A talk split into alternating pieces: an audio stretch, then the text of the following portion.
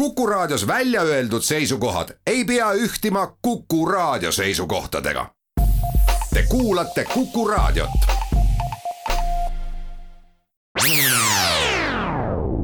Restart.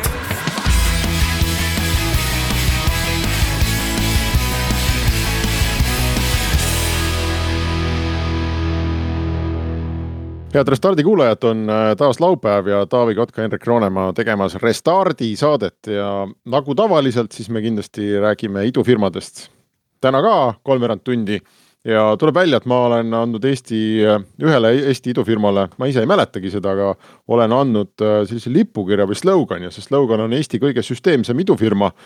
ja see, ja see sündis siis, ma ei mäleta enam, kunas see oli, kindlasti eelmisel aastal, kui Andrus Purde tuntud äh, turundaja käis meil saates ja ütles, et tema tegi nüüd oma idufirma, mille nimi on Outfunnel ja ja mitte lihtsalt ei teinud, vaid meil, mäletan, meil oli pikalt juttu sellest, kuidas sa tegid mingeid meeletuid Exceli tabeleid selleks, et aru saada, et mis firmat sa üldse teed ja missugune see olema peab ja mis probleemi ja kellele see lahendab ja me oleme sind tagasi kutsunud selleks, et, et. no me leppisime kokku, äh, Henrik, selle ju, et me jälgime Andruse tegemisi ja, ja õpetame, kuidas tehakse ühte õiget idufirmat. õpetame just. õpetame kuulajatele, et ei oleks nagu ainult tagantjärgi tarkus, vaid ikkagi on protsessi jälgimine. ja nüüd on meil jälle aasta möödas või natuke vähem vist isegi, et. natuke rohkem vist kui aasta on või, aa väga hea. no siis me saame ka kohe nüüd küsida, et äh, kus meie süsteem idufirma on jõudnud. et kuidas selline inimene, kes on teinud või on olnud osa meeskonnast, kes on ehitanud üles ikkagi väga nagu globaalse idufirma juba. kui ta hakkab uut asja tegema, kuidas tema mõtteviis on muutunud, kuidas tema käitumine on muutunud, kuidas ta suudab kiiremini otsuseid teha, kuidas ta suudab kiiremini minna lasta mingitel asjadel või vastupidi, mitte lasta. ja nii edasi, et kõigest sellest me räägime täna. tere noh, Taavi, Taavi küsis küsimuse ära, et kuidas siis, äh, kas sa ei saatnud meile Exceli tabelit enne oma süsteemsete tulemustega, kuidas läheb? ja äh, läheb hästi ja ma tänan väga selle nime eest, Eesti kõige süsteemsem idufirma. ma pean küll kahjuks ütlema seda, et me kindlasti ei ole Eesti kõige süsteemsem idufirma.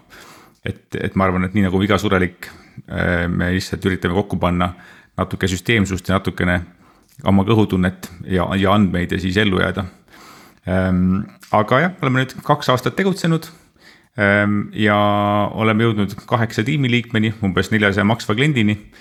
Ehm, ja, ja nii, mida rohkem teeme, seda rohkem on tunne, et, et tuleb teha ja, ja on, on, on, on tulemusi, mida saavutada meil kuulajad kindlasti tahavad kohe teada ka MRR-i, et oleks nagu nii-öelda võrdluspagasisse panna, et, et kuhu siis nii-öelda, kui suur hetkel ettevõte on et.... me oleme kuskil, MRR on juba Äh, viiekohaline, aga algab veel ühega, et ta ei ole veel selline, et meil on nagu, on, on veel minna. siis järgmine eesmärk on viiskümmend, siis on sada ja siis on juba maailm. jah, siis miljon ja siis nii, nii ta läheb jah. kas sellest nüüd tagasi vaadates, kui sa hakkasid tegema seda, seda outfunnelit, kas sellest tohutust süsteemsusest oli kasu, oled sa rahul sellega, et sa tegid seda just niimoodi ja, ja kas see, see firma ehitamine on läinud ka nende plaanide järgi, mis sa tegid või sa oled pidanud oma need esialgsed analüüsid kõrvale viskama ja ikkagi tegema mingeid suuremaid, väiksemaid pivoteid äh,? kindlasti on sellest süsteemsusest äh, abi olnud äh,. kohati on lihtsalt äh,, ma arvan, et ise enne seda Outfundeli asutamist äh, olin mitme projektiga või, või projektikesega fail inud erinevatel põhjustel, põhiliselt sellepärast, et polnud mingit head süsteemi või, või polnud head äh, nagu sihukest protsessi, mida järgida äh,. nüüd ma olen ka päris veendunud, et ainult protsessi jälgides ei tee ühtegi edufirmat, sa võid teha sellest mingi hea äh, eurotoetuste küsimise äh,, raha küsimise, aga, aga nagu firmat sa sellega ei tee, ettevõtet sa sellega ei loo. et ma arvan, et see kuidagi nende nagu protsessi tükkide ja, äh, ja kõhutunde ja siis vedamise kokku tule, tulemine on see, mis, mis võimaldab teha firmat või siis mitte aga selgitame korra, tuletame kuulajale meelde, et äh, kahe sõnaga, et äh, kus Outfunnel oli, kus ta alguse sai äh, ja, ja kus sa nüüd praegu oled omadega, et kas sa oled jätkuvalt selles baas-business'is või seal on mingi muutus siin toimunud mm? -hmm. ma ütlen siis selle äkki ära, et, et mida me teeme, eks ole, et Outfunnel on tarkvarafirma, mis teeb turundustarkvara. mille nõks on see, et me, me võimaldame teha turundust käsikäes müügiga, et väga head CRM integratsioonid ja ühised workflow'd, ühine data. Natuke teistsugune lähenemine sellele maailmale kui, kui muudel turundustarkvarafirmadel ma segan lihtsustatult vahele, et põhimõtteliselt äh, kui sa saadad portsu äh, näiteks uudiskirju välja, siis äh, kui sul ei ole outfunnelit, sa tegelikult ei tea, et kui palju nendest klientidest päriselt käis ja vaatas sinu artikleid, nendega seotud veebilehti ja nii edasi. Te teete selle kõik automaatsemaks, lihtsamaks, ehk te hakkate, aitate nagu sedasama nii-öelda turunduse mõju päriselt mõõta tuleb mõõta ja siis ka natuke nagu söödavamaks teha müügimeeste jaoks, et müügimees kui ta enne, kui ta kõnet teeb, ta näeb seda, et kes, kes siis nagu on soojem liid, kes on külmem liid, kes on rohkem vaadanud veebilehest asju, kes vähem põhimõtteliselt võiksid teha nagu endale topi, et, et enne kui ma helistama hakkan, et ma helistan sellele, kes kõige kauem oli lehe peal ja kes kõige rohkem surfas lehel. siis ma võtan järgmise huvitatu ja nii edasi, et selle, selles mõttes sellise, see on juba väga kõva funktsioon iseenesest. just, et, et, et, et, et, et nagu turundus aitaks müügimeestel oma neid võimalikke kõnesid natukene nutikamalt teha, targemalt teha aga see tundub sihuke no-brainer, et seda võiks nagu kõikidel turundajatel ju vaja minna, eriti nüüd siin Covidi kontekstis, kus äh, ju igasugune internetiturundus ka, internetimüük hüppas ju noh kümneid ja kümneid protsente ülespoole, et. et samas sul ikkagi jätkuvalt see nii-öelda MRR läbi lae ei ole, et noh, kasvab ilusasti, aga et läbi lae ei ole, et, et, et mis siis ikkagi täna nagu kinni jääb, et, et miks ta ei ole nagu no-brainer selles mõttes suuremate firmade jaoks ongi see no-brainer, sest et nemad nägid juba kümme, kakskümmend aastat tagasi ära, et müük ja turundus peavad töötama koos ja andmed peavad olema koos. väikesed firmad pole saanud ligi seni hinna või, või, või komplekssuse pärast nendele suure, suurte firma tööriistadele ja väikeses firmas on ka võib-olla see, et otsustamine on kuidagi lihtsam, et müügijuht valib müügitööriista, turundusjuht valib turundustööriista ja pärast mõlemad koos kannatavad ja süüdistavad üksteist et siis, et väikestel firmadel tegelikult ei ole see veel standard, et, et me vaatame koos andmeid ja vaatame ühiseid raporteid ja, ja ei nokitse igaüks enda, enda osakonnas oma põlve otsas. ja, ja miks, ma arvan, et miks meie MRR ei ole noh, kümme korda rohkem, kui ta praegu on, lihtsalt pole piisavalt kõvasti vajutanud gaasile, nagu oleme oleme ehitanud toodet, kui sa enne küsisid, et kus me oma tootega oleme või kus me oleme, kas me oleme samas äris, siis me lahendame sama probleemi aga hetkel juba oleme nagu lansseerimas kolmandat versiooni sellest tootest. et me alustasime sellise, me alustasime kõige väiksema asjaga, mille eest saab raha küsida, et me tegime sellise integratsiooniplönni Pipedrive'i ja MailChimpi vahele ise kuulutasime kõva häälega, et see on nagu väga äge ja see on nagu müük ja turundus, kõik on koos. tegelikult see toode oli kehv ja väike ja tehtud põlve otsas. aga selle eest sai raha küsida, selle eest sai aru, et, et, et siin on nagu, et kliendid on nõus selle eest maksma ja siis me saime natuke nagu jala ukse vahele, et, et saada kliente, saada andmeid ja oma järgmiseid featuure katsetada äh,. siis umbes Nii. aasta tagasi, jah. ja siis teine etapp oli mis? me tegime sellise oma päris turundustööriista, et me enam ei ühendanud teisi tööriistu, vaid, äh, vaid tegime sellise äh, asja, mille kaudu sai saata kirju välja. Äh, esialgu kehvasti ja hiljem aina paremini. ja siis nüüd aasta hiljem me oleme siis on olnud aasta aega mõelda, ehitada, klientidega rääkida e, ja, ja innoveerida, siis me teeme nüüd, ma arvan, päris ägeda tööriista, et me teeme osasid asju nüüd paremini kui need suured tööriistad, just raportid ja andmete kokkupanemine ja sellised workflow'd. E, et, et jah, me oleme nagu enda meelest kolmandasse etappi sisenemas just praegu. no see on päris huvitav järelm või ütleme näide, et et see, et sa pead hakkama ikkagi päevast üks proovima oma teenust rahaks teha, et äh, Eesti startup'ide viga on olnud aastaid, et äh, väga suur osa neist äh, toodab nii-öelda sahtlisse, loodab, et see kokkuvõttes on ju no-brainer ja küll nad seda ostma hakkavad, on ju. ja siis lõpuks tuleb välja, et kolm aastat sügasid koodi kirjutada ja asja ehitada ja noh, kliendinumbrid tegelikult ei liigu mitte kuskile, et, et selles mõttes see. nii nagu sa ütled, nagu kõige süsteemsem startup, Hendrik, siis iseenesest väga süsteemne, et tundub nagu väga õiged sammud, et oleks nagu by the book. Aga mõtlengi, et äh, sa, sinu enda õppetunnid sellest samast nüüd ühest aastast või, või pooleteist aastast, et äh, et äh, oleks teadnud, oleks teinud kohe õigesti või on seesama, et sa pead selle nii-öelda läbi kogema või nii-öelda läbi kasvama sellest äh,, nendest etappidest selleks, et, et jõuda sinna, kus sa praegu oled? kindlasti oleks seda osa asju teha ähm, noh, ma ise või siis, või siis tiim äh, teistmoodi või paremini. aga kokkuvõttes, eks ole, sinu kogemused viivad sind sinna kohta, kus sa oled, et tänu sellele, et me oleme ka osasid vigu teinud. me teame osasid asju praegu paremini või kindlamalt või meil nagu, meil on tekkinud mingid veendumused, mida meil muidu ei oleks, et ma nagu ühtegi asja ei kahetse küll või ma arvan, et meil on nagu võib-olla see asi, et oleks nüüd alguses natuke agressiivsem olla ja, ja kiiremini päris tiim leida, et ma võib, võib-olla alguses olin liiga kaua kinni selles nagu katsetamise ja. ja valideerimise faasis, et oleks saanud sealt võib-olla nagu neli kuud või, või kuus kuud varem hakata gaasi andma, oleksime praegu paremas kohas. Oma tiim tähendab, oma tiim siis selles mõttes, et noh, et oma arendajad, mitte sa ei osta teenust sisse äh, oma kaasamõtlejad, äh, mis see tähendab, oma tiim? no oma tiim oli see, et alguses me olime sellised äh, kaks-kolm inimest eri kohtades oma magamistubades tegime, tegime startup'i, sihukest nagu MVP-d et oleks tegelikult võinud olla ja me, ja me ei olnudki, mina olin põhi, põhikohaga, aga teised ei olnud. et ma oleks saanud võib-olla seda teha siis kiiremini, et oleks olnud kõik kohe täiskohaga. ja oleks saanud nagu esimese otsa kiiremini tehtud ähm,. aga samas ma arvan, et ma seda inimest, äh, Andrist, kes on äh, nüüd co-founder, ma poleks suutnud talle siis ideed maha müüa, et kuule, tule nüüd põhikohaga seda asja tegema, sest et, et tal polnud, no küll ta küll nagu oli hea inimene, kuulas mu ära. oli nõus nagu aitama seda asja valmis teha MVP vormis. aga võib-olla ta poleks, ma poleks piisavalt suutnud veenvalt rääkida, et, et oleks tulnud töölt ära hakanud seda põhikohaga tegema aga see nagu, sellel oleks olnud ikkagi ka, eks ole ju rahaline komponent, et kui sa ütled, et noh, et oleks võinud varem tulla kõik ära ja hakata tegema, et keegi oleks pidanud selle ikkagi kinni maksma ja noh. käive ju sel hetkel oli, mis ta oli, kas see oleks välja kannatanud või? no just, et, et, et eks ole, ma ise oma raha sinna alguses panin alla äh,. et kas ma oleks seda nagu, nagu nelja-viieliikmelist tiimi ise finantseerida jõudnud, ilmselt mitte. kas ma oleks nagu raha tõstnud, siis äh, oleks ilmselt saanud tõsta, aga ma ei tea, kas headel tingimustel ja kui, eh, kui nagu eh, veenev pitch ja ma ise oleks olnud siis, et. et ma ütlen, et oleks saanud kiiremini teha, aga see on selline oleks, et ma tegelikult, ma arvan, tagantjärgi vaadates oleme siin sellisena, nagu me oleme just tänu sellele, et me neid asju seekord niimoodi tegime. aga selles mõttes sa raha tõstsid kokkuvõttes jah, tõstsime, isegi oleme kaks ringi teinud, aga me tegime seda siis, kui meil juba olid olemas noh, mingi esimesed mõnikümmend maksvat klienti. oleks saanud teha ka siis, kui meil oli üks maksev klient või ühtegi, ühtegi maksvat klienti. oleks saanud idee pealt ka lihtsalt raha tõsta, sa arvad? oleks küll, võib-olla mitte nii headel tingimustel ja mitte nii headelt investoritelt, aga tänapäeval ikkagi seda raha on ju nii palju, igasuguseid inimesi on müünud maha erinevaid tööstuseid ja.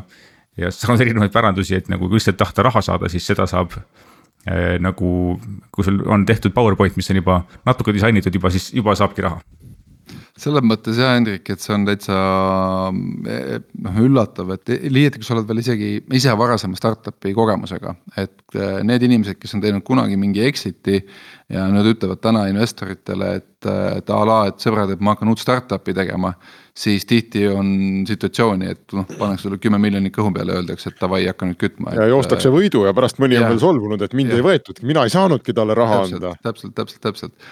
et, et selles mõttes on jah, et, et nendel juba kogenud investoritel on selle koha pealt nagu märgatavalt kergem.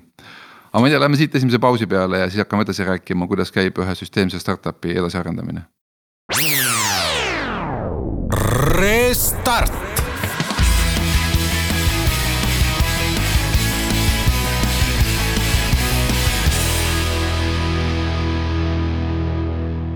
Restart jätkub ja meil on külas äh, Andrus Purde, kes on äh, idufirma Outfunnel äh, asutaja ja, ja räägime siis täna sellest, kuidas Outfunnelil läinud on ja kuidas üldse sellist tüüpi firmat ehitatakse. ja me jälgime siis, kuidas üldse üks startup kujuneb ja seda läbi siis professionaalse startup'i, kes ise juba on ühe startup'i ülesehitamises suurt rolli mänginud räägi, Andrus, äh, kui sa teed uut startup'i, sul on uued funktsioonid, äh, sa pead kogu aeg mängima sellist äh, noh, mõnes mõttes nagu doping ja dopingukütid, võitlused, alati pead olema samavõrra ees, et oma asjaga, et dopingukütid sind kätte ei saaks, on ju.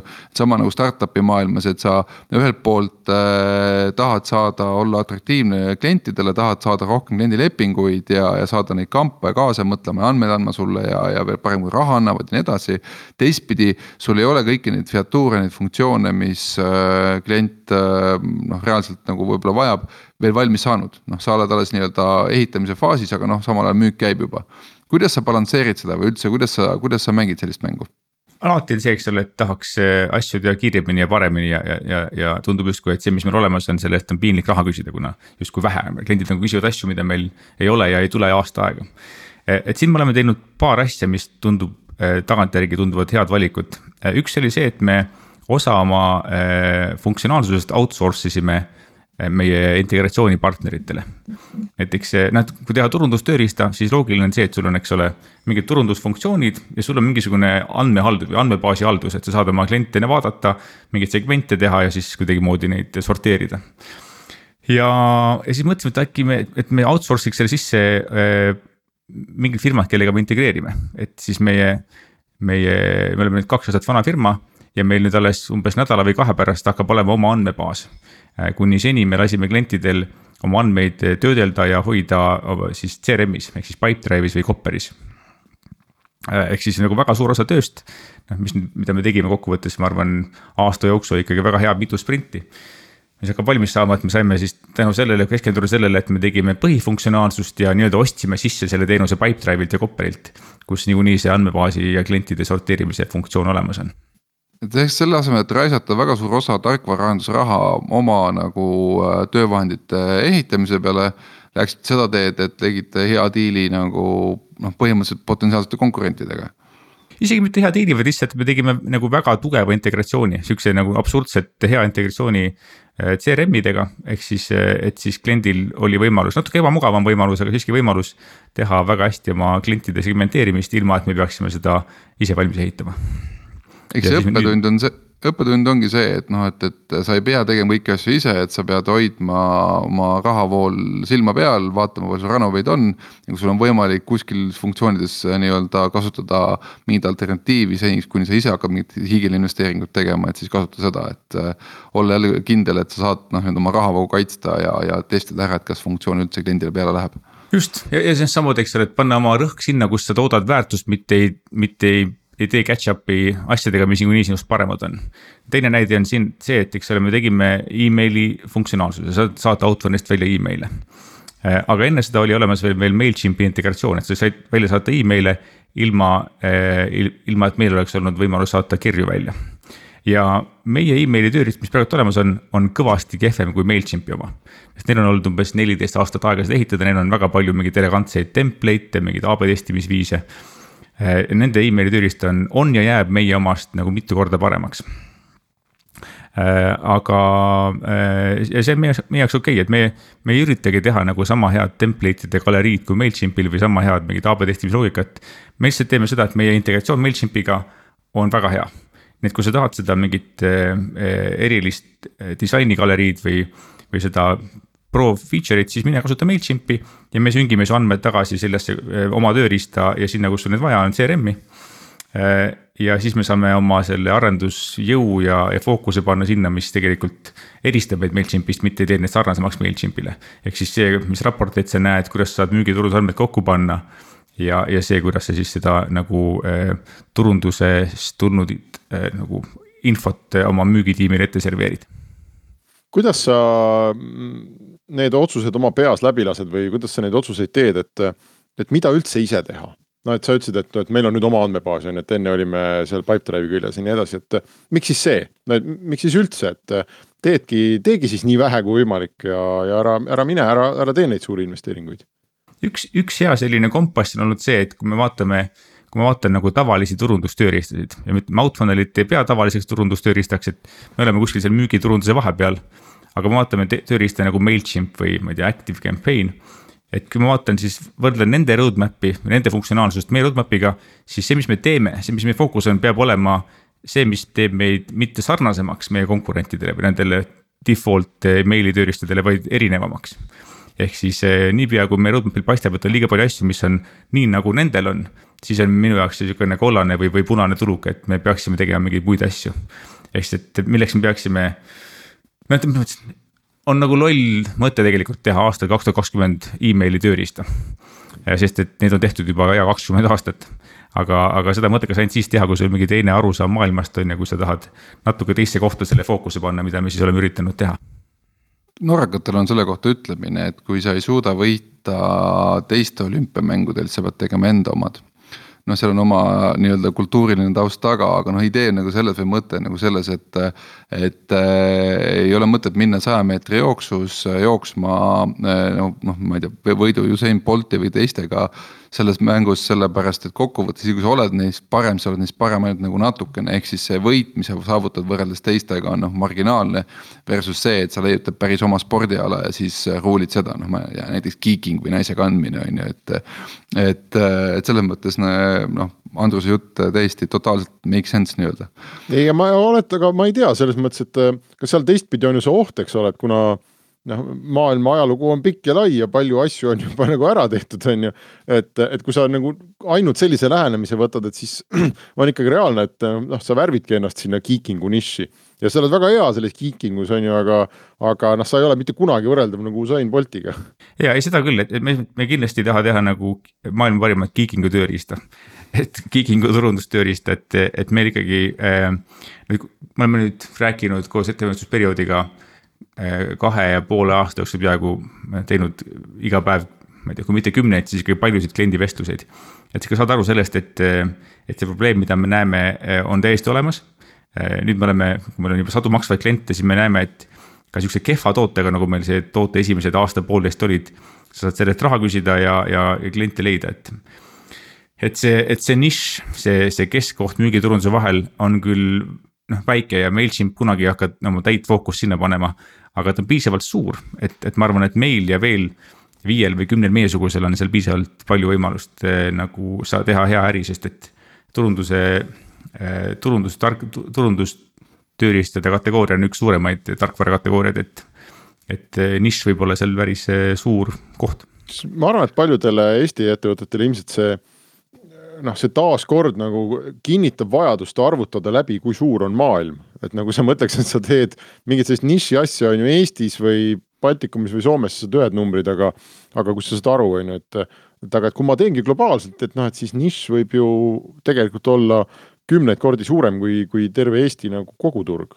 ja ei noh, eks sadu, eks ole, sest et me vaatame seda, et kui, et umbes, umbes veerandil firmadest on olemas müügi ja turundusfunktsioon ja neist omakorda võib-olla mingi seitsekümmend viis protsenti teevad, teevad digiturundust. Äh, et siis see, see on kogu meie sihtrühm, et see, see on tegelikult umbes, ma ei tea, viisteist, kakskümmend protsenti maailma väikestest firmadest.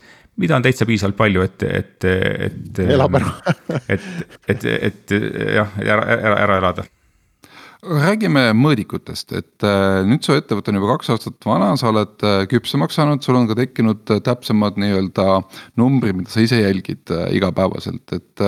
mäletan, meil oli ülipõnev saade Restardis, kus Markus minu meelest rääkis, kuidas ta Bolti mõõdab. et noh, mis on need nagu taustamõõdikud, mida nad jälgivad, eks, et. et selleks, et oma ärist paremini aru saada ja, ja, ja mõelda, noh nii-öelda taibata, et mida nad siis nagu selles oma selles väärtusahelas optimeerima peavad, et, et.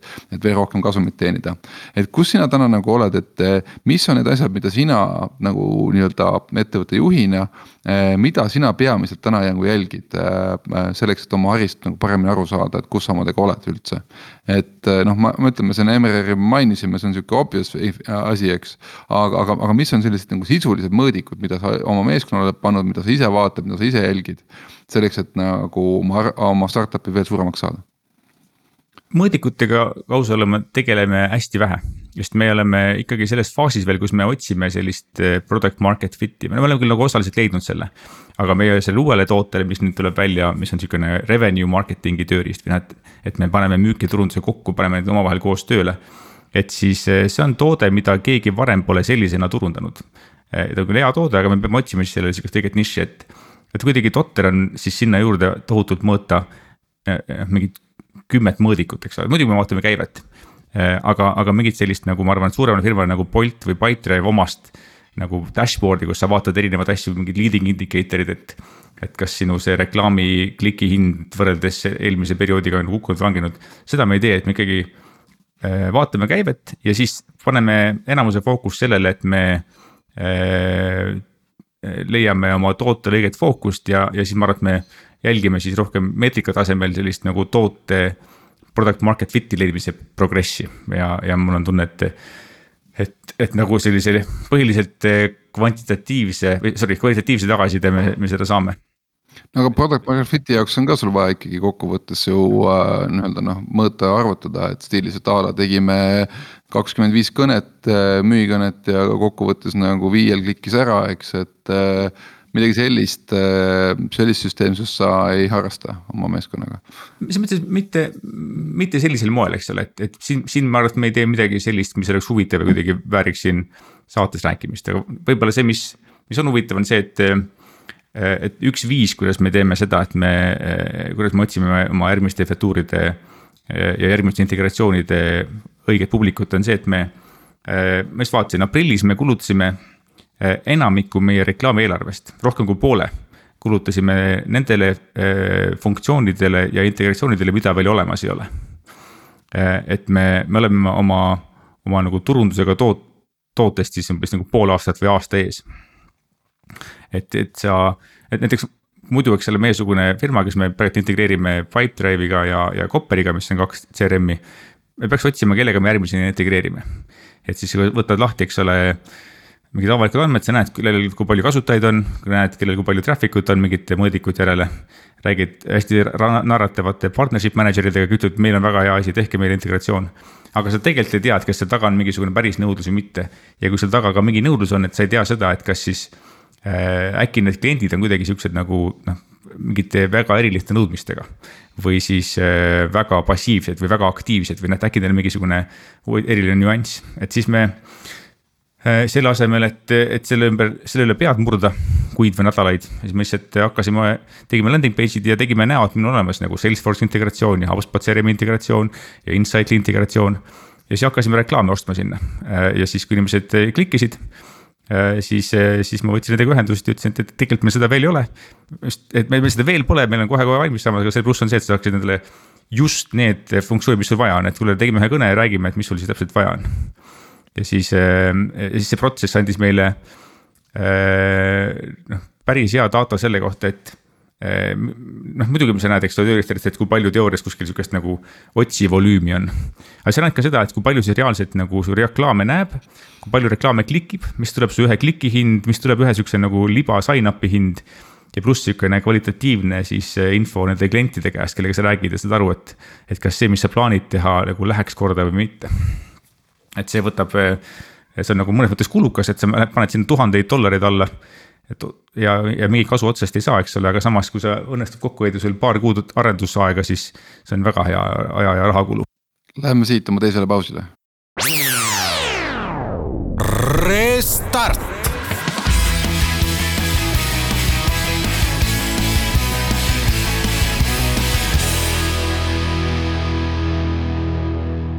Restart jätkub ja me räägime Andrus Purdega sellest, kuidas äh, ehitatakse turundus äh, startup'i nimega Outfunnel äh, meil eelmine plokk pooleli selle koha pealt, kuidas teha turundust ette ära, sul on üks nipp veel, et sa oled teinud klientide peal proovinud seda, kuidas sa müüd kolm erinevat asja, mis tegelikult on sama asi. räägi see lugu ära meile. selle loo tegelikult nagu juured on kunagi minu, minu eelmises töökohas Pipedrive'is, kus meil kunagi oli vaja teha uus pakett, meil oli ainult üks hind meil oli vaja tuua teine pakett ka turule ja siis eh, me vaatasime, et kahe paketiga kuidagi nadivine välja, et see pricing leht nägi hästi kuidagi hõre välja, et teeme ühe paketi veel. midagi, sinna midagi eriti panna ei olnud, panime suurema hinna sinna, ütlesime, et seal on eh, nagu priority support ja, ja kõik ja kõik. ja ikkagi mingi väike osa inimesi siis võttis selle kõige kallima paketi, kus nad tegelikult mingit nagu kasu või, või mingit nagu olulist eh, boonust selle eest ei saanud.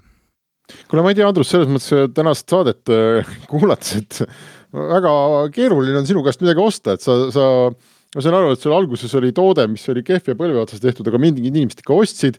siis te lubasite inimestele integratsioone, mida tegelikult ei olnud ja nüüd te tegite mingi hinnapaketi, mis oli kallim, aga tegelikult eriti nagu midagi ei saanud, et kus, kus see sellise nagu katsetamise ja, ja noh, sellise nagu ma ei tea, ütleme, pettus on palju öeldud, aga noh, väikse nagu skämmi piir nagu läheb Hendrik, sa räägid turundajaga, mida sa ootad kogu maailm oleks täis nagu siukseid ausaid, aus, ma pole näinud ühtegi siukest, ühtegi sellist eh, nagu väga suurt tarkvaraettevõtet või ka sellist ettevõtet, mis oleks nagu oma aususega üllataks. aga me, me, me kunagi ei ole valetanud, me oleme teinud reklaami asjadega, mida olemas ei ole, aga.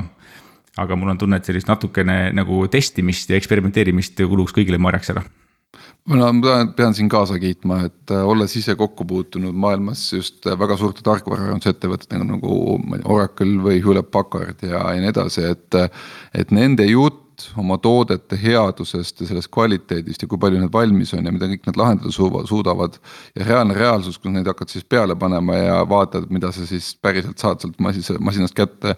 see jutt on äh, kosmiliselt erinev ja see on ka see probleem, mis meil eestlastel on, et, et meie enda rahvus eeldab, et kui sa oled lubanud äh, X-i, siis sa nagu tarnid X-i ja seetõttu, kui sa lubasid nüüd nagu midagi väga palju rohkemat ja, ja, ja seda nagu ei tarni, siis seda nähakse kui halba asja. ja siis, kui lähed maailmasse müüma, siis äh, eestlane räägib ikkagi oma X-ist, aga kuna maailm on harjunud sellega, et müüakse üle siis nad võtavad seda eestlaste juttu ikkagi nagu äh, noh, nüüd oma standardite järgi ja siis tekib ka tunne, et noh, sa oled juba ette kaotanud, sest sa tegelikult ei ole ennast suuremaks puhunud, on ju, et. aga, aga kas Taavi siis see, sa ise räägid ja ütleme, kõik need startup erid, kes meil on käinud, räägivad, et Eestil on äh, Silicon Valley's selline erine, eriline kuulsus ja, ja meie startup'id on noh, mingil arusaamatul põhjusel keskmisest palju paremini õnnestunud, et see fail'ide osakaal on nagu väiksem, et aga äkki, äkki see ongi üks põhjuseid, et äh, me ei aja mingit jama ei, selles mõttes. ikkagi päriselt hakkame tegema, siis me teeme ka asja, mis, mis ongi asi äh, see põhjus ei ole seal, et kindlasti eestlaste puhul on ikkagi kõige parem, kõige suuremaks eeliseks see, et, et see nii-öelda äh, price delivery või, või seesama, mis sa oma raha eest saad, et see on hästi paigas ja nad suudavad väga keerulised probleemid väga efektiivselt ära lahendada, et see kuulsus on peamine sihuke, mis toidab, et, et.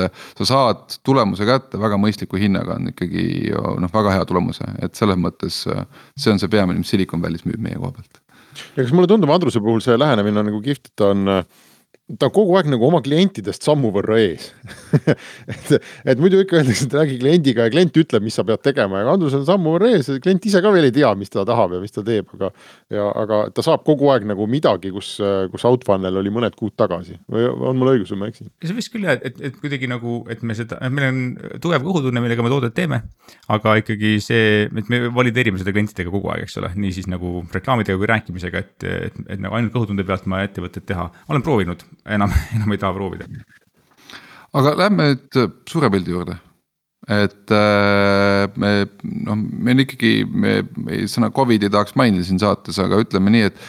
et äh, majanduse toimimismehhanismid said äh, väikse tutaka nüüd siin mõne kuu jooksul et mismoodi sina oma valdkonda ja oma valdkonna arengut näed selles maailmas, mis tegelikult peaks olema mõnes mõttes ikkagi vesi sinu veskile, sellepärast et äh, kui protsessid muutuvad, siis üldjuhul keegi saab sellest tiigist alati suuremad kalad välja püüa, püüda. mul on selles valguses, mul on väga hea meel, et aprill läbi on igaveseks, sest et aprill oli täiesti hull kuu meie jaoks, noh et kodus töötamine kodus töötamiseks, aga. lihtsalt kui ma vaatan meie numbreid, siis nad olid täiesti skisofreensed, et meil oli korraga äh, kõige parem äh, sign-up'ide kuu, uute nagu proovikasutajate arv. kõige parem uute klientide juurdetulemise kuu ja kõige suurem churn'i kuu, kõige rohkem, kõige suur, rohkemate klientide äraminemise kuu. kõik korraga, eks ole, ja kokkuvõttes me kasvasime, aga väga nagu valuliselt, sest nii paljud, nii paljud klientid pidi tere ütlema, nii paljudele pidi head aega ütlema. et oli näha see, et meie väikeste numbrite pealt, kuidas, kuidas osad firmad tõmbavad asju kinni, pakivad kokku asju. osad firmad panid oma äh, lendamise ja, ja müügiürituste tegemise eelarve siis digitaalturundusse ja üritasid siis nagu võtta nii kiiresti kui saab eh, viimast. Eh, tegime ka huvitava graafikut, ma tegin, võtsin välja, kuidas eh, emaili kampaaniate nendes subject line ides esineb sõna Covid ja koroona. ja siis oli tõsine, veebruaris oli null või noh, tuli veebruari lõpus paar, paar korda öeldi. siis märtsis algus kadus seest ära, märtsi teine pool ja aprilli algus oli väga palju selleteemalisi kirju, ütleme, ma ei tea, mitte päris enamik, aga väga palju räägiti Covidist ja koroonast klientidega ja siis nüüd mai teine pool läks jälle just rahulikuks. et, et selgelt on näha seda, et, et, et noh, et maailm on muutunud ja turundus on sees on, on muutunud aga kuidas ta nüüd muutunud on siis, et ühesõnaga, mis selles mõttes äh, turunduses äh, juhtuma hakkab või, või mida, milliseid nii-öelda suuri trende sina usud või millisele trendile sina nii-öelda peti paneksid, kui sa saaksid raha panna? Siin ma arvan, et on see, et see, mis juhtus, juhtumas niikuinii oli, lihtsalt juhtus kiiremini. eks ole, et raha oli liikumas rohkem digitaalsesse, noh, muuhulgas oli nii nagu, eks ole, seda nagu väga palju raha oli vanasti kinni ajakirjades ja teles. siis praegult on väga palju turundusraha ikkagi kinni üritustes ja nagu messides ja see ja, ja. et mul on tunne, et see raha liikus nüüd kiiremini ära digitaalsesse turundusse ja siis vastavalt, eks ole, meiesugused tarkvarad, kes siis neid andmeid, kes toituvad andmetest. et kui on rohkem tegevust online'is, siis on rohkem andmeid, mida töödelda ja millest siis nagu huvitavaid äh, nagu äh, kasulikku infot välja äh, sõeluda. et seda rohkem ja siis me vastavalt peame oma seda, sellesuunalist tegevust kiirendama. aga kes kas sa arvad, et see raha läheb, kas sa arvad, et see raha läheb tagasi sinna messidesse? Ja just kuulasin ühte intervjuud suure, suurte tehnoloogiakonverentside tegijatega, kes luges kokku, mis kõik jääb tulemata ja mitmekümned tuhanded inimesed jäävad üritustel käimata, aga tema ütles alati väga veendunult, et aga järgmisel aastal, aga järgmisel aastal. ja teisest küljest on siis kuskil see selline maailm on igaveseks muutunud liikumine, et kus, kus sina seal skaalal paikled? ma, ma usun, et osa rahast läheb tagasi, aga kindlasti mitte kõik, et ma, ma usun, et, et seal ikkagi osa need, need tervisemured ja, ja lihtsalt, eks ole, mingid logistilised mured äh, jäävad. Äh, siis osad firmad saavad aru, et tegelikult ei pidanudki nii paljud käima nagu odava õlikonnaga mingitel messidel äh, äh, väljas boksis olema.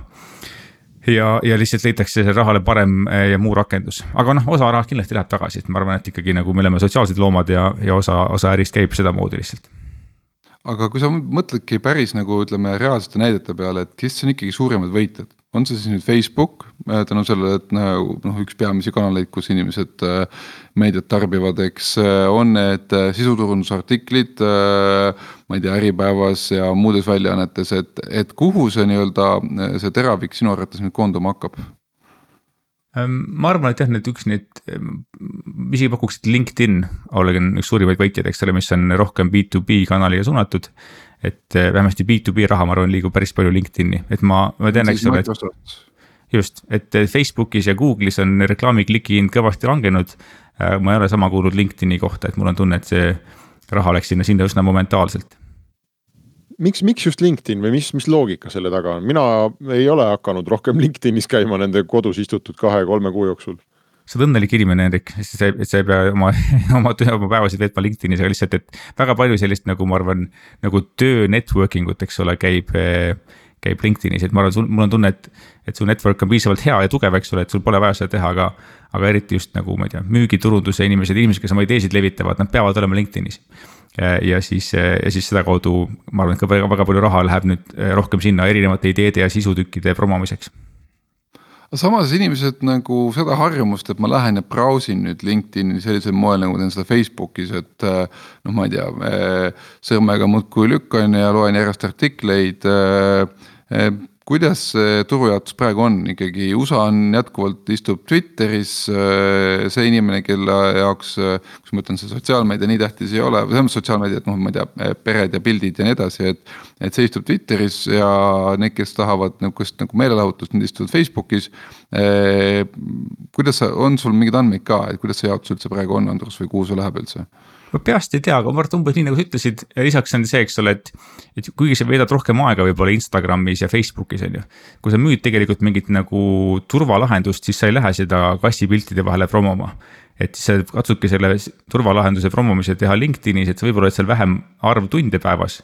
aga siis sul on loogilisem koht sinna oma sõnum sättida, mitte siis nagu Facebooki LinkedIn tundub mulle jätkuvalt ikkagi pigem see keskkond, kust ma nii-öelda otsin selle kontakti üles selleks, et teha talle otsemüüki, ehk siis nagu minna talle sõna otseses mõttes telefoniga või emaili või sõnumiga kallale, on ju.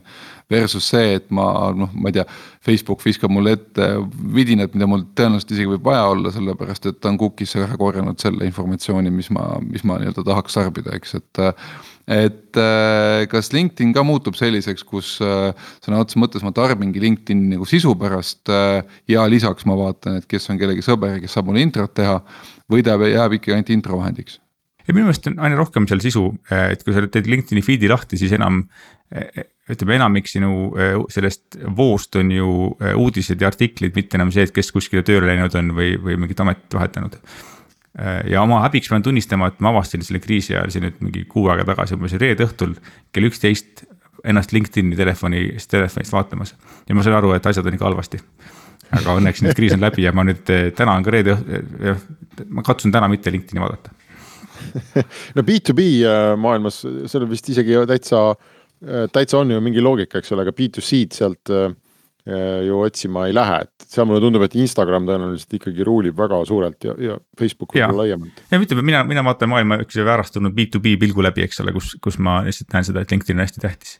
ja üks asi vist veel, et eks ole, need platvormid, et raha liigub ainult suurtele eh, ürituste arvelt, aga, aga ma arvan, et ka ikkagi see eh, noh, paar asja, mis on, ma arvan, ajatud, et firmad nüüd veel rohkem, eks ole, panevad oma rõhku sellele, et oma brändi ehitada. Ja veel rohkem panevad rõhku sellele, et oma, eh, omaenda kanalit ehk siis oma emaili listi, oma jälgijaskonda, oma mingit postituslisti ehitada Outfunnel on nüüd kaks aastat tegutsenud ja me oleme jälginud sind algusest peale, kuni, kui sa, kuidas üldse hakkasid ideekorjet tegema ja nii edasi. et äh, räägime veel saate lõpuks selle ära, et kuna sa tead, mismoodi startup'i elutsükkel käib, kuna sa tead ka, mismoodi need astmed täpselt on, mismoodi edasi liigutakse. Kui mingil hetkel äh, noh, investorite raha juurde kaasatakse või siis tunnistatakse, et, et ei olnud õige asi ja läks, läks aia taha et mis peaks praegu Outfunneliga nüüd aasta jooksul juhtuma selleks, et meil oleks pointi sind tagasi kutsuda siia aasta pärast. et sa räägiksid nüüd, et mis siis kolmas aasta, mis see välja nägi mm? -hmm. ma arvan, et see, et, et kui me äh, eks ole, üks asi on toode, et see, et me võtsime veel teistsuguse toote, et see maailmale maha müüa. et see on nagu, et leida sellele uued kliendid, on ju, ja sellele. ühesõnaga üks mõõdik saab olema revenue, et äh, mis see revenue peaks olema aasta pärast selleks, et me ütleksime, et okei okay,, nüüd on Outfunneli point kutsuda. jah, ma arvan, et see et ta peab olema kuskil seal kümne, viiekümne, kümne ja saja tuhande vahepeal, eks ole, et oleks nagu mõistlik, mõistlik. Eh, no kümme on sul praegu juba, sada on juba see, kus sa hakkad A-raundi liikuma. jah, ma ütlen, et käive siit, eks ole, saada aastaga kahe-kolmekordseks, ma arvan, et oleks nagu piisavalt eh, soliidne sooritus.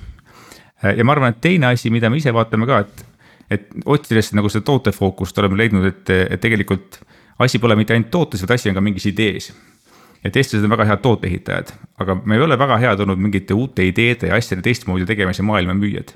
Et ma ise olen vaadanud seda nüüd, et, et seda nagu müügi ja turunduse koostöötamist saaks nimetada teistmoodi ja seda nagu on nimetatud või kuidagi sellest on eraldi räägitud, aga mingit head terminit pole. et ja, kui me suudame siit Eestist, marketing on üks väga kohutav termin, aga see on olemas ja et. on olemas. ja Äh, aga me ise oleme leidnud niisuguse nagu termini nagu revenue marketing, mida me ise välja ei mõelnud, aga mida me võiksime nagu enda omaks kuulutada ja seda siis propageerida. et me üritame siit Eestist siis nagu ühte sellist ideed müüma hakata ja kui see õnnestub, ma arvan, et siis seda, et kuidas me seda tegime või kuidas me siin fail isime, see võiks olla huvitav case study, et. et ma arvan, et üks asi on jah, toote kasutamise leidmine, aga teine asi, et, et kui me hakkame siit sellist ideed müüma, mis maailma natukene. maailma müügi ja turunduskäitumist muudab, siis see võiks olla huvitav lugu, mida jälgida no sinna kindlasti peaks panema sisse ette ka E-tähe, et noh e, e-revenue marketing. kakskümmend neli lõppu ka. ja ei, see E seal ees tegelikult ei tähenda mitte mingit digikanalit, see E tähendab Eestit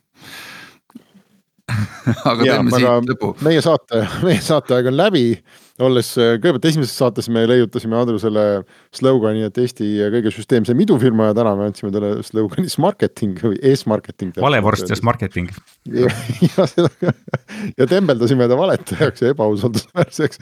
nii et igati produktiivne tunnikene oli meil, aitäh Andrus sulle Oot, ja loodame. Et... Äh, ja Andrus, äh, parim, mis sinuga juhtuda saab, on see, et kui aasta lõpu äh, nii-öelda äh, startup'ide valimistel valim, valitakse sind kõige perspektiivitumatute startup'ide number üheks jah, loodame selle peale siis saab sinust äh, unicorn, nagu meie ajalugu on näidanud. palun asuge hääletama. tore, aga aitäh kõigile kuulajatele ja Restart on eetris äh, nädala aja pärast. Restart